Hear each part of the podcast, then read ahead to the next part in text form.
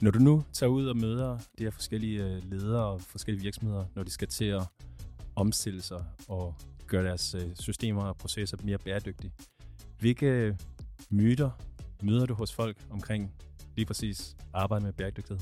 Godt spørgsmål.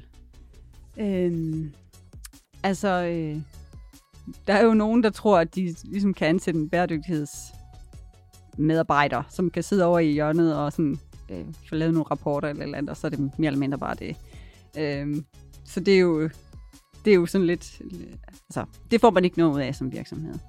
Øh, hvis man skal arbejde med bæredygtighed på en god måde, så skal man have det ind i alle beslutninger, og det skal ligesom være en del af, af kerneforretningen, at man har det aspekt med i alt, hvad man gør.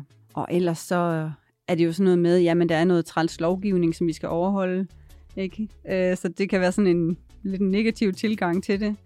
Øh, jeg har også hørt nogen sige, at det nok går over igen. det vil sige, det tror jeg ikke, det gør.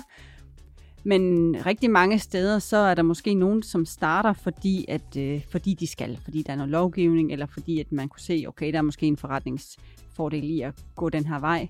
Men når de så først begynder at sætte sig ind i, hvad det egentlig er, altså så er der også mange af dem, der vågner op. Og det der med, at det smitter lidt. Når man begynder at gøre noget bæredygtigt, så øh, smitter det af på andre ting, hvor man tænker, øh, man begynder at identificere sig selv som nogen, der er bæredygtig, nogen, der gør noget. Øh, og så breder det sig ligesom ud i virksomheden. Selvom man måske starter med at måle sit CO2-udledning, så øh, er der også nogle andre ting, der hurtigt kommer med. Så.